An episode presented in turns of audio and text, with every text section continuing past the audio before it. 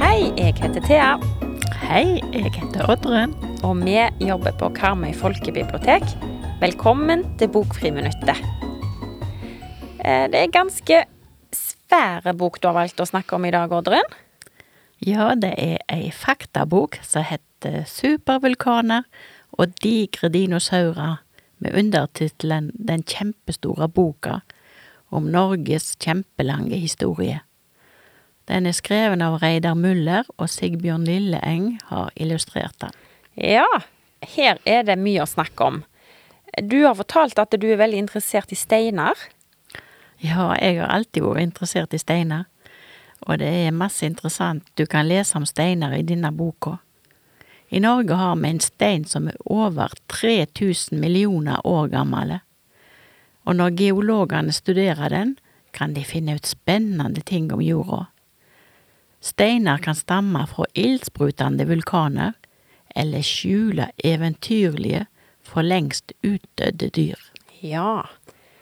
Eh, Men er det noe mer enn steiner og vulkaner vi får vite noe om i denne boka?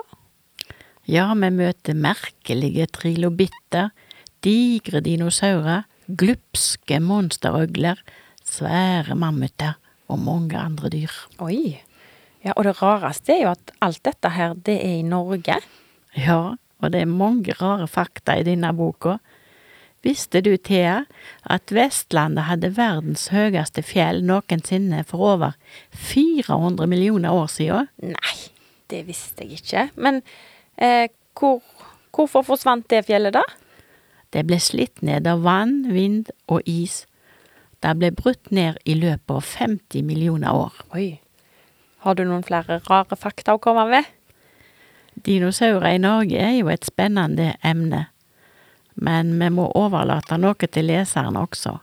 Dette er ei flott bok på alle måter med kjempefine tegninger og mye kunnskap om Norge sin utvikling. Mm, ja, her er det sikkert veldig mye å lære. Og hvis du som hører på er interessert i vulkaner og dinosaurer og Norges utvikling, så kan du låne denne boka på Karmøy folkebibliotek.